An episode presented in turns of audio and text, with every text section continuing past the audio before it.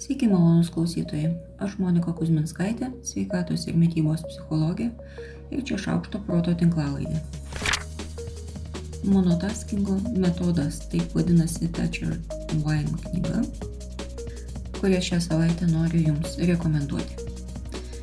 Sveikas, senas vaiduoklis iš mano praeito gyvenimo. Perfekcionizmo vėjas tada ošė stipriai. Nuveikti daugiau buvo besąlygiškas gėris ir visi būdai, kurie leido nuveikti daugiau, buvo geri arba labai geri. Kitaip gaištų laiką. Na ir multitaskinimas buvo šio būrio vadovas. Bet tą kalėdų vakarą, verkdame šiltoje putotoje vonioje, aš jas duris uždariau. Ir nuo to vakaro iš tiesų pradėjau daryti daugiau, argi neironiška. Supratau, kad daugiausiai jėgų suėda noras daryti kelis darbus vienu metu ir visada gaunasi du į priekį ir penki atgal. Tada net spontaniškai dariau tą patį, kai galvas sprogdavo nuo keliasdešimt darbų, kuriuos visus atrodo turiu daryti iš karto, tiesiog užversdavau darbų sąrašą ir apsimesdavau, kad šią valandą turiu tik tą vieną darbą. Ir taip pakopo po pakopos išlipdavau iš dobės.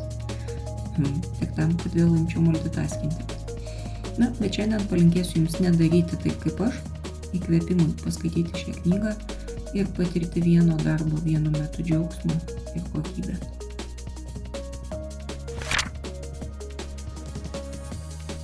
Minčių savitvarka.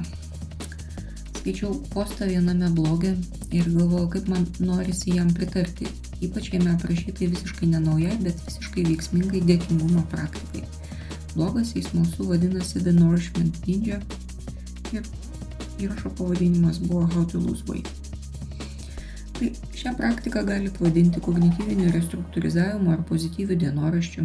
Ja galite vadinti vakarinė malda, e, dar šimtų kitų pavadinimų, bet jos nauda ir vertė nuo to niekaip nepasikeis. Pradėkime nuo to, kad labai normalu prisiminti ir galvoti apie tai, kas mums nesiseka, grėsia, piktina, liūdina ar sukelia bet kokias kitas neigiamas emocijas ir patyrimus. Nuo blogų ir baisių dalykų reikia saugotis, jų negalima ignoruoti, jų negalima nepastebėti, nes kitai bus blogai, kas tai bebūtų. Ar lieka laiko galvoti apie tai, kas buvo gero, gražaus, prasmingo, laimingo? Nu, kartais lieka, kartais ne. Ko čia galvoti apie tai, kas ir taip gerai sako? Ir gal dar pridurėt, kad nėra laiko galvoti apie viską, kas tvarkoja, kai tiek tų rūpešių. Iš to, ką galvojame, dėliojasi mūsų sapnai ir prisiminimai tai jei kasdien konstruojame tik iš blogų prisiminimų ir nerimastingų minčių, tai žvelgdami atgal į savo vakarykštę dieną, į praėjusią savaitę, buvusius metus, net į savo gyvenimą, kokį paveikslą matom. Nerimastinga, liūdna ir grėsminga. Ir tik su lengvais pačių laimingiausių įvykių potėpiais, turbūt taip. Tyrimai rodo, kad laimingiausi tie žmonės, kurie džiaugiasi mažais kasdieniais džiaugsmais Ne tie, kurie turi daug laimės, kaip jie apie įvardintumėm - pinigų, grožio, darbo, daiktų, tie paprastai turi daugiau rūpešio, tik kitokių negu to neturinti žmonės. Laimingais prisipažįsta tie žmonės, kurie sustoja pasišypsoti prie dainuojančių vaikų.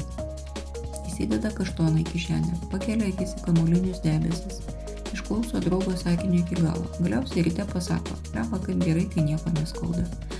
Tai yra tie, kurie pripažįsta savo ir kitiems, kad tikra laimė yra sveriama trupiniais, o ne luitais, kurie skiria laiko ją įvardinti, pajausti ir pasidalinti. Ne, tai nėra pretenzingi postai apie tai, koks gyvenimas yra laimingas, nes kiti tyrimai sako, kad jie per dažnai būna melaginga ir tendencingai pateikiama informacija. Džiaugsmas turi būti tikras visų pirma rašančiam ir likti tikras net jeigu jo neatskleisit niekam. Šiame darbe svarbiausia išmokti, išsiugdyti įgūdį pastebėti, įvardinti ir pripažinti ne tik nerimą keliančius dalykus, bet ir ramybę bei laimę suteikiančias gyvenimo akimirkas. Įpinkit jas į savo prisiminimus, suteikit jam galimybę bent jau atsiverti jūsų gyvenimo rūpešius. Na ir pabaigai receptas. Imkite knygutę, telefoną, elektroninį paštą, kas tik jums patinka, bet rašyti būtina vakare ar ryte ar dienos bėgyje, kada tik jums patogu, bet būtinai kasdien. Užrašykit bent penkis dalykus, kurie jums šiandien atnešė laimės, už ką visatai ir gyvenimo jaučia dėkingumą. Tai gali būti ir kelios minutės su katinu ant kelių ir vaiko gimimas tinka viskas. Nuo ko pradėtume?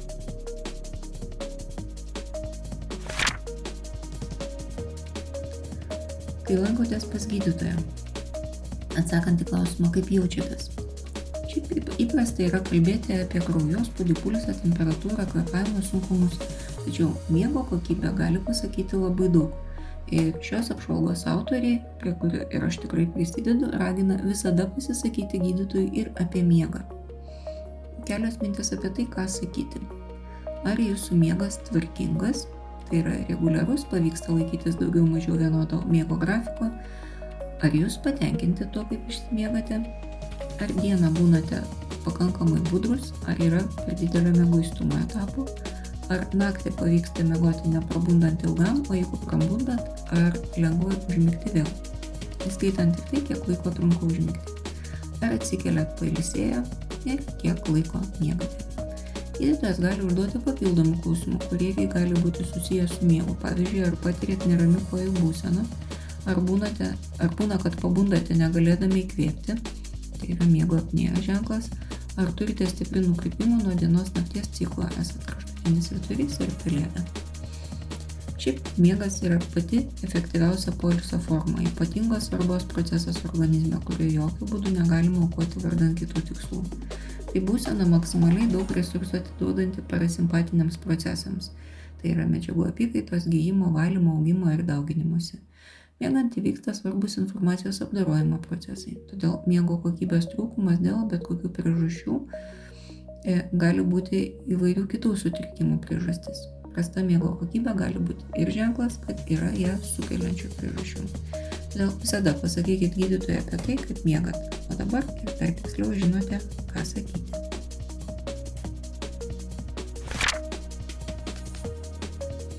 Ar mėgstat valgyti aštriau? Žiūrėkit, kokios naudos tai gali atnešti. Apibendrinant tyrimus su beveik 190 tūkstančių dalyvių, kas tyrimo pasaulyje yra labai daug, buvo nustatyta, kad daugiausiai aštraus maisto vartojantys žmonės turi mažiausiai hipertenzijos požymių turi daug gerojo bei mažai blogojo cholesterolio. Kartu reikėtų pažymėti, kad bendram cholesterolio lygiui ir trigliceridų kiekiui aštraus maisto vartojimas įtaikos neturėjo. Trigliceridai yra kraujyje aptinkami riebalai ir aukštas jų lygis paprastai rodo nesveiką mytybą ir nutukimą. Taip pat reiškia dažniau užsikemšančias kraujagyslės. Jeigu ką, tą patį daro ir blogasis cholesterolis. Na ir Įtardama vieną egzistuojantį mitą, iš karto noriu pasakyti, kad neaštrus maistas kūno riebalų arba skrandžio nedegina. Smegenys reaguoja į aštrų maistą lyg jis degintų ir siunčia gynybinę reakciją, bet tikro deginimo nėra. Todėl nuogastauti dėl to, kad tai daryti nesveika, kaip ir nereikėtų. Negaliu nustoti galvoti apie šį tyrimą, todėl jo dalyjuosi ir visai norėčiau išgirsti jūsų mintis apie jį. Tai tikrai nėra rekomendacija, aš ne dietistė ir dietologė, na, aš nesu net ir už mėsos vartojimą apskritai, bet man šis tyrimas atskleidžia labai įdomias žmogaus mytybos pusės, gal aiškiau parodo, kaip mūsų mytybos mechanizmas veikia. Šiame tyrimė dalyvavo virš 2000 suaugusiųjų, kurie laiko save mėsėdės arba um, gyvūninės kilmės produktų dietos atstovais jau daugiau kaip šešis mėnesius. Tokia dieta yra maisto ribojimas valgant tik gyvūninės kilmės produktus ir nevalgant nieko daugiau. Šio tyrimo dalyviai pildę klausimynus apie savo motivaciją, pasitenkinimą sveikatą, taip pat buvo daromi jų kraujo tyrimai. Tai buvo ir subjektyvi, ir objektyvi dalis. Iki 5 procentų dalyvių sakė, kad jaučia nemalonius simptomus, kas salginai yra nedaug. Užtat 95 procentai buvo labai patenkinti tokia mytyba, 91 procentas sakė, kad pagerėjo jų savijauta, kūno masės indekso mediana sumažėjo nuo 27 iki 24, kas irgi yra labai geras rezultatas. Mediana, priminsiu, yra dažniausiai pasitaikanti reikšmė, ne vidurkis. LDL arba gerasis cholesterolis buvo stipriai padidėjęs, kas yra gerai, o HDL, tai yra blogasis cholesterolis ir trigliceridų lygis buvo optimalus, kas irgi yra labai gerai. Tie dalyviai, kurie sirgo diabetu, jie pažymėjo nukritusi svorį, glikozilinto hemoglobino lygį ir beveik visi dalyviai sumažino arba net iš viso nustojo vartoti diabeto kontrolai skirtus vaistus, kas yra kažkokia fantastika.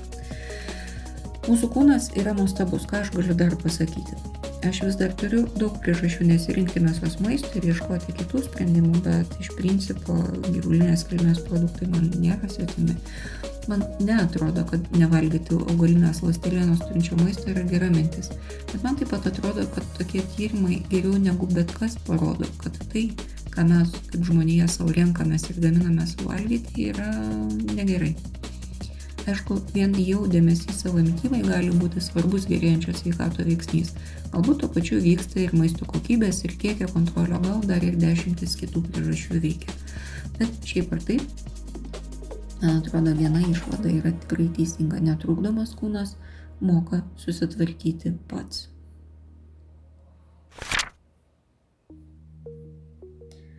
Na, pasiritokim rankovės ir imkimės veiksmo. Savaitės pabaigai vienas iš eksperimentų. Apie darbą gilaus fokuso sesijomis arba darbą stipriai susikaupus jau kalbėjom.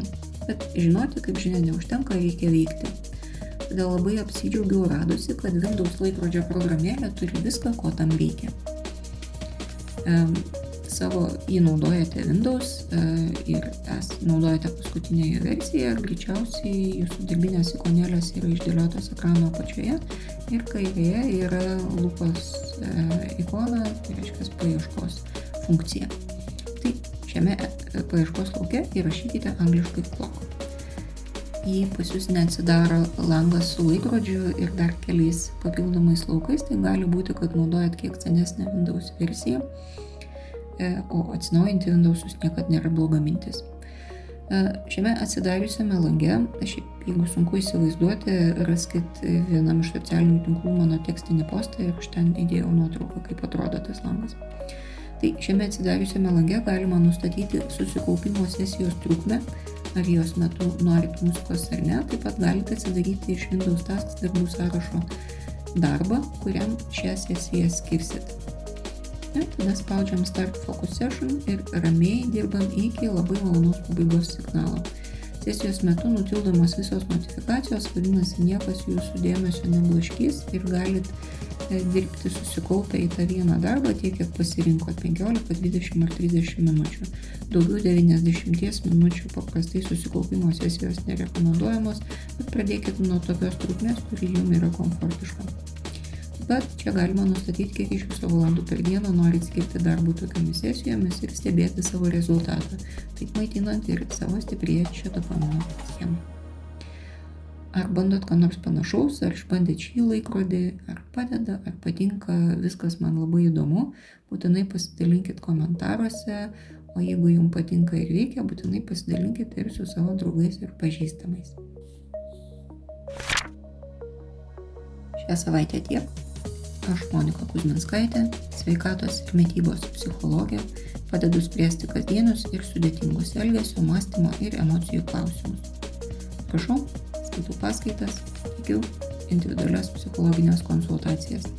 Mane rasit socialiniuose tinkluose vardu Šaukštas Proto, rašykit man asmeninę žinutę ten, arba elektroniniu paštu adresu šaukštas.proto.gmail.com. Taikos ir ramybės.